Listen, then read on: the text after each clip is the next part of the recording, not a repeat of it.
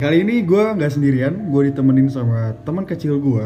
Wah dia brother gue banget sih kayak saksi saksi perjalanan hidup gue mungkin ya, bisa dibilang gitu. Oke, perkenalkan dulu dong. Siapa ini namanya? Eh, halo semuanya, Eh, kenalin nama gue Rizky halo Rizky, gimana nih? Tinggal di mana? di Depok. Orang Depok. Orang Depok. Gitu. Kerja, kuliah atau? Alhamdulillah masih kerja sekarang.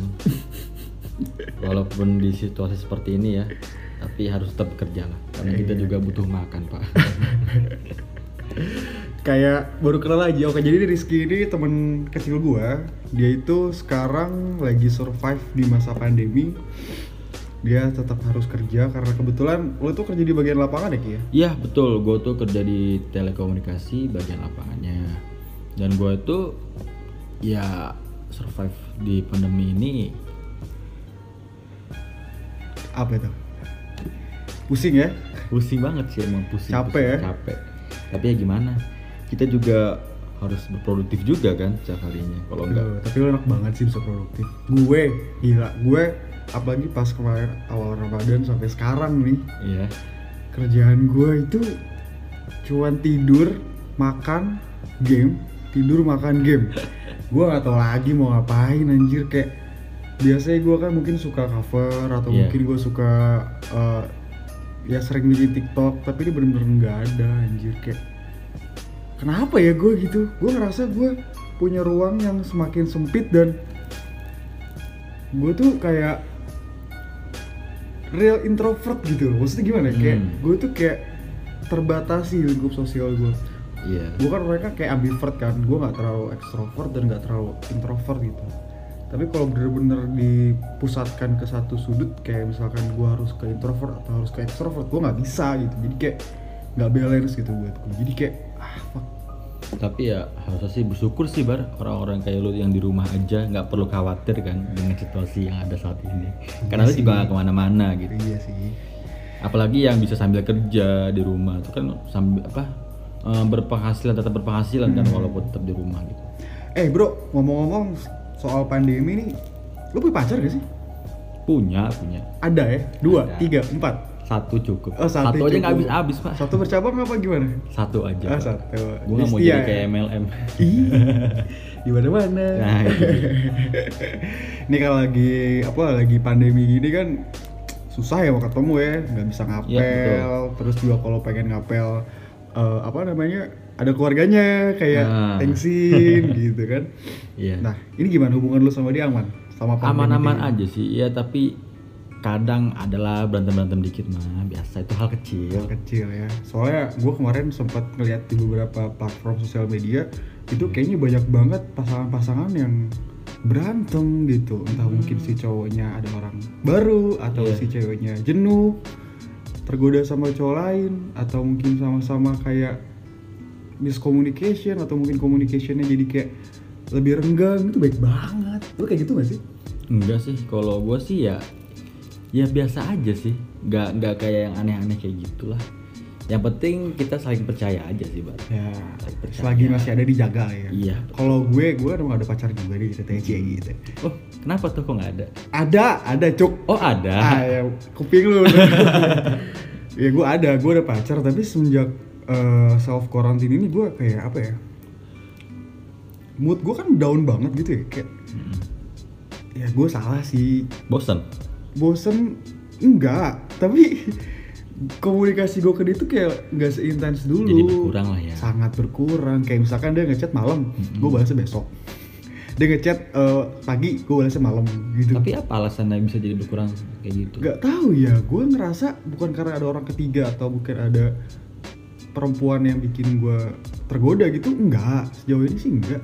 Cuman gue ngerasa gue tuh memfokuskan diri gue gue tuh pengen ngapain sih? Hmm. karena kalau misalkan gue cuman kayak konteks tanda kutip ngebucin gue nggak bahagia gitu loh. Iya iya sih gue harus melakukan hal lain gitu loh. Kecuali dia tinggal bareng gue iya iya beda-beda konteks tuh ya Pokoknya biar semua jadi seimbang lah ya. Iya, Enggak tertuju kayak pada gitu. satunya aja gitu. ya intinya mas lagi masih ada walaupun komunikasinya kurang atau mungkin buat pendengar-pendengar juga yang punya pasangan dan ada sedikit kejanggalan atau sedikit ya cobaan-cobaan sabarin aja ya Mm-mm. harus disabarin harus dijaga pasangannya selagi masih mau setia eh anyway kalau ngomongin tentang perempuan nih atau tentang pasangan gue ada cerita lucu nih Apa itu, Bar? gue punya temen Iya. Eh, oke jadi gini gini Eh, konteksnya gue gue baru main twitter kan Iya.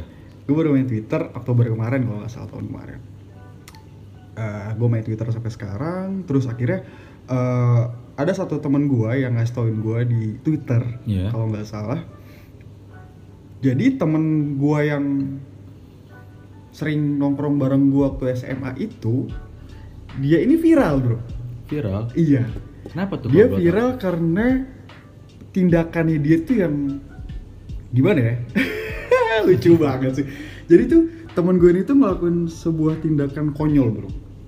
Oke. jadi dia tuh viral di twitter karena eh, menjual belikan konten eh, foto-foto bugil Wow.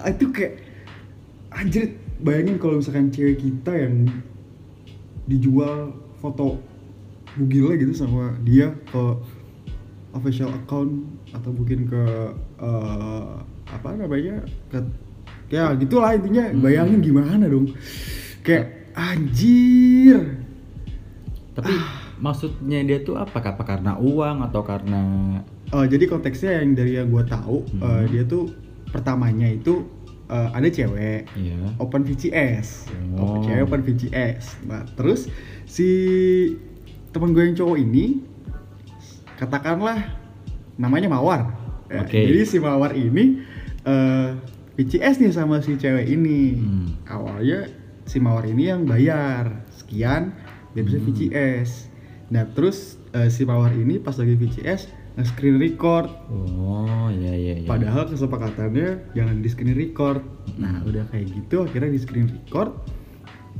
Tahu gak ya apa yang terjadi? Si Mawar ini ngancam-ngancam, Wow. ngancam-ngancam bilang ke si cewek ini, eh gue bakal sebarin eh VCS ini Iya. ke teman-teman lu atau mungkin ke ke sosial media kalau emang lu nggak mau ngikutin permintaan gue. Lu tau gak permintaannya apa? Apa itu? dia permintaannya eh tolong kamu itu duduk engkangin kakinya kayak gitu ya? gue gak ngerti lagi sih kayak kenapa sih harus kayak gitu tapi nggak nggak cuman itu doang bro Iya. korbannya banyak ada yang temannya doang Mm. ada yang mantannya Mantannya itu juga. dijual Wow. gila ya itu itu yang gue tahu dari twitter sih gue Iya. bener atau enggaknya eh gue kurang paham cuman eh postingan ini tuh udah di retweet sama 13.000 orang kalau nggak salah Banyak juga ya. banyak banyak banget dan ini kayak ghost to viral gitu loh Iya iya. Tapi apa emang dia nggak takut kali ya sama undang-undang di sini ya? Dia dicari, yang bro. berlaku. Oh udah dicari. semua akunnya dia dia itu ya Diaktif. diaktif Oh. terus eh, pihak orang yang nyari si mawar ini udah sampai ke keluarganya bro Wow. jadi sampai sepupu sepupunya tahu terus kayak eh, teman-temannya juga pada tahu semua wah ini sih gue pikir kayaknya dia bakal kabur sih bakal lost komunikasi sama semua orang mungkin gila gak sih gue pikir kayak otak banget, kalau tapi- ada cowok kayak gitu kayak se sebrengsek kayak gue ya se Iya. ya gue pernah pernah jadi cowok playboy lah gitu ibaratnya Iya, gue iya. gue gak pernah kayak Gak sekeji itu lah ya. menyebarkan aib perempuan yang Iya. kayak Emang dia nggak takut sama karma apa ya? ibaratnya bokep ada ngapain lu harus nyebar nyebarin itu kayak lu pemerasan seksual anjir Itu udah tindak kejahatan banget. itu udah kriminal, sih Kriminal. Itu kayak mencemarkan nama baik satu. Iya. yang kedua itu udah menjatuhkan harga diri juga. Ya nama baik juga sama tuh Iya. Dia pak pak. Pantai Nama lah. dia nama baik itu juga juga jelek. Ya kan? iya gimana? Menurut lu gimana tuh? Ya itu sih ya gimana ya? Orang yang nggak punya hati ya sih. Nggak punya hati nggak punya otak juga sekalian. Dia kayak nggak takut karma apa ya? Kalau dia dia punya ada cewek atau punya siapa pun saudara cewek emang dia nggak takut kalau oh bakal setahu gue si Mori juga punya adik cewek. Oh. Jadi gue nggak tahu sih. Kayak semoga aja nggak kena lah ya adiknya kena karma. Iya, kita ya, kalau doain sampai kena ya kalau sampai adiknya kena karma berarti adalah doa doa yang terkabul oleh para korban. Iya doa doa orang yang terzolimi ya. Ya itu loh maksud gue dia nggak pernah nggak sampai mikir ke situ kali ya. Iya. Ya mungkin dia mikir dia nganggap remeh kali mungkin. Iya. ngegampangin enteng kayak eh lah nggak mungkin lah ya lah kayak ya konteks dari titik kedewasaannya masih rendah sih. Emang the real cowok bejat tuh kayak gitu. Iya, itu itu bukan fuckboy lagi tuh udah Iya. penjahat kelamin sih. Anyway kalau ngebahas perempuan ada satu lagi nih bro. Gue ngerasa eh, setelah gue mengobservasi beberapa bulan ke belakang gue ngerasa kok kayak aduh apa nih rambut? Sorry sorry. Kayak apa ya gue ngerasa banyak banget anak-anak yang berusia di bawah umur kayak masih 16 tahun 15 tahun itu bertindak Iya. dan berkelakuan yang nggak sesuai sama umurnya gitu dari penampilannya dari cara dia eh, mengekspresikan dirinya itu kayak nggak cukup takutnya kenapa Mhm. kalau misalkan dia melakukan mereka ya mereka melakukan hal-hal kayak gitu dan mereka didatangkan dengan sesuatu yang tidak terduga Mhm. nanti mereka akan merasa bahwa eh, dia dijahatin Hmm. ngerti gak sih Ngerti, maksud ngerti, gua? jadi kayak dia tuh eh, bertindak sesuatu Iya. tapi nalarnya dia itu tuh belum sejauh yang seharusnya gitu Iya betul betul. kalau ibaratnya umur-umur cewek-cewek umur 25, 26 bergaya seenaknya mungkin like a bitches tapi mereka kan lebih pengalaman Iya. pengalaman entah dari pengalaman pribadi atau dari teman-temannya yang uh, ngedukasiin dia untuk tetap hati-hati gitu karena kan Iya. konteks penjahat kelamin kayak si cowok yang tadi itu tuh Hmm. ada aja kan akalnya Pasti pasti ada aja. lo ada pengalaman gak sih kayak mungkin temen lo gitu yang kayak fuck banget lah gitu Kalau gue sih kayaknya nggak ada sih ya. Hmm. Tapi ya intinya menurut lu gimana?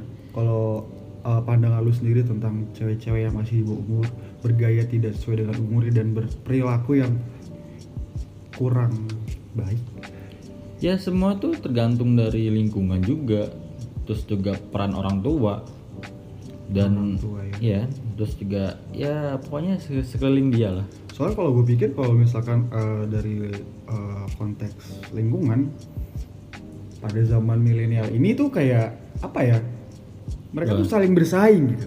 Iya Bersaing uh, gengsi ya, bersaing mencari perhatian dengan cara menjual harga diri gitu kayak Iya, iya. ya ampun di zaman kita kita di zaman kita tuh nggak ada kayak Iya sih, gitu. Emang sudah terlalu global juga sih pak. Iya kita tuh kita tuh termasuk milenial tapi milenial tua Mm-mm, betul betul. milenial milenial generasi pertama gitu loh ibaratnya kayak kaget aja sih gue karena kalau nih terus dibiarkan lama-lama orang-orang ini nih ya orang-orang ini nih, nih pribadi gue ya berpendapat Ya. kalau mereka akan membenarkan hal-hal yang salah Hmm. banyak membenarkan hal-hal salah dan mereka akan menjadi haus untuk mencari kebenaran padahal mereka tahu mereka salah Iya iya. iya. itu kayak ah Emang zaman tuh udah kebalik tuh aja aja ada-ada aja emang ya. Perilaku. Tapi seneng nonton kayak gitu. oh iya. Ya ada senangnya ada enggaknya. Ada senangnya ya ego gua. Iya, nggak iya. senangnya itu bisa menimbulkan dan melahirkan pedofilia nggak sih? Pedofilia. karena gua ngeliat kalau eh, salah satu contoh platformnya misalkan TikTok. Ya. Gue ngeliat eh, dia bikin video nih ngepost video gitu ngedance ngedance gitu kan yang kayak kontennya tuh kayak eksplisit gitu loh Hmm. dan pas gue lihat profilnya gue visit kan dia cantumin eh, link Instagram Iya. gue klik masih SMA cuk SMA. sama kelas 2 kan kelas 1 kayak ya elah lu belum tahu tai-tainya hidup jangan mancing deh Iya. Ya kebanyakan sih orang gitu sih kebanyakan dia juga cuman karena ikut-ikutan aja, Pak. ikut-ikutan. Ikut-ikutan going aja. trend gitu kan. Cuman join trend cuman kan apa mereka nggak mikir itu adalah sebuah hal yang riskan. Ya kita juga nggak tahu. sedih sih. Untuk ya gue nggak punya adik cewek. Kalau gue punya adik cewek kayak gitu mungkin gue udah tatar dia untuk disiplin iya sih. disiplin dalam konteks eh, memahami dan eh, menerapkan sesuatu dan mengaplikasikan dengan umur yang seharusnya Iya, gitu seharusnya lah ya. Sewajarnya. iya aduh wanita Tapi gimana bar sekarang? apa nih Sehat?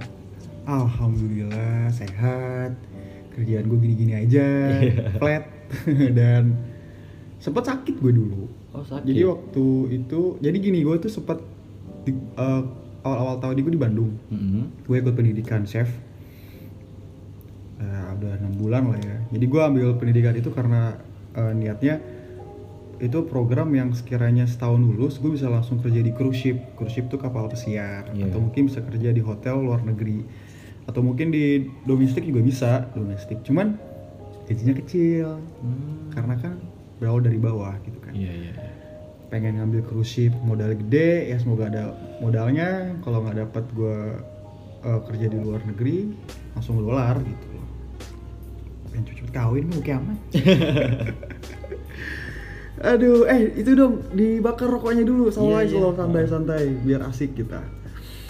Aduh tapi anyway terima kasih loh lu udah mau hadir buat Iya bar. diskusi sama gua gitu tentang dari mulai pandemi tadi terus tentang eh, ngejulit ya tentang si mawar ya Mawar. dan tentang pedofilia yang semakin pesat peningkatannya karena ya nggak ada sebab nggak ada akibat nggak akan jadi pedofil kalau nggak ada penyebabnya Iya iya. nah cara menang sih. cara menanggulangi dari penyebab itu ya harus dengan edukasi dan visioner Iya betul betul. Jadi kalau kalau gue pikir pun banyak banget nih em, kaum milenial yang tidak berpikir secara kritis tentang apa yang dia hendaki Hmm. jadi ya Ya pokoknya nggak pikir panjang lah ya. sih gue ngeliatnya gue mikir kalau anak gue nanti lahir di zaman lebih parah kali ya Ya semoga aja sih enggak ya. takut banget sih gue tapi anyway thank you banget ya Iya bar. gue mau lu sehat-sehat terus Ya amin. jaga kesehatan nih selama lagi pandemi juga sering-sering jaga kebersihan lah mandi mandi apa Iya iya dong pasti mandi. lu kan jarang mandi Jangan gitu lah. Bar. Jangan dibuka di sini. bau dong. oter amis badan kalau nggak mandi itu Mandi mandi kok. Tapi gue ada ada ini ada ada prinsip waktu gue ngekos dulu di Jogja gue ada Hmm. prinsip. Mandi itu hanya untuk orang-orang yang najis. Jadi selagi lu masih kotor lu nggak usah mandi.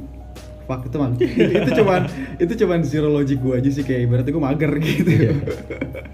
oke deh kalau gitu ki. Iya, makasih banyak ya ki ya. Siap. thank you brother. Iya.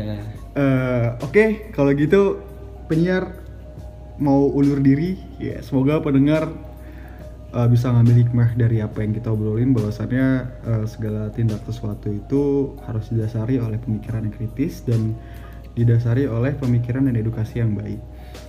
Dan ya mungkin gue rasa segitu aja dulu. Nanti mungkin ke depannya gue bakal ada diskusi-diskusi lagi sama teman-teman gue atau mungkin semua orang-orang yang mungkin berpotensi terhadap sesuatu. Jadi gue rasa cukup sampai sini aja ya. Oke eh, stay tune aja di Baras Podcast. Tunggu episode berikutnya dan selamat selamat apa ya? Dan sampai jumpa lagi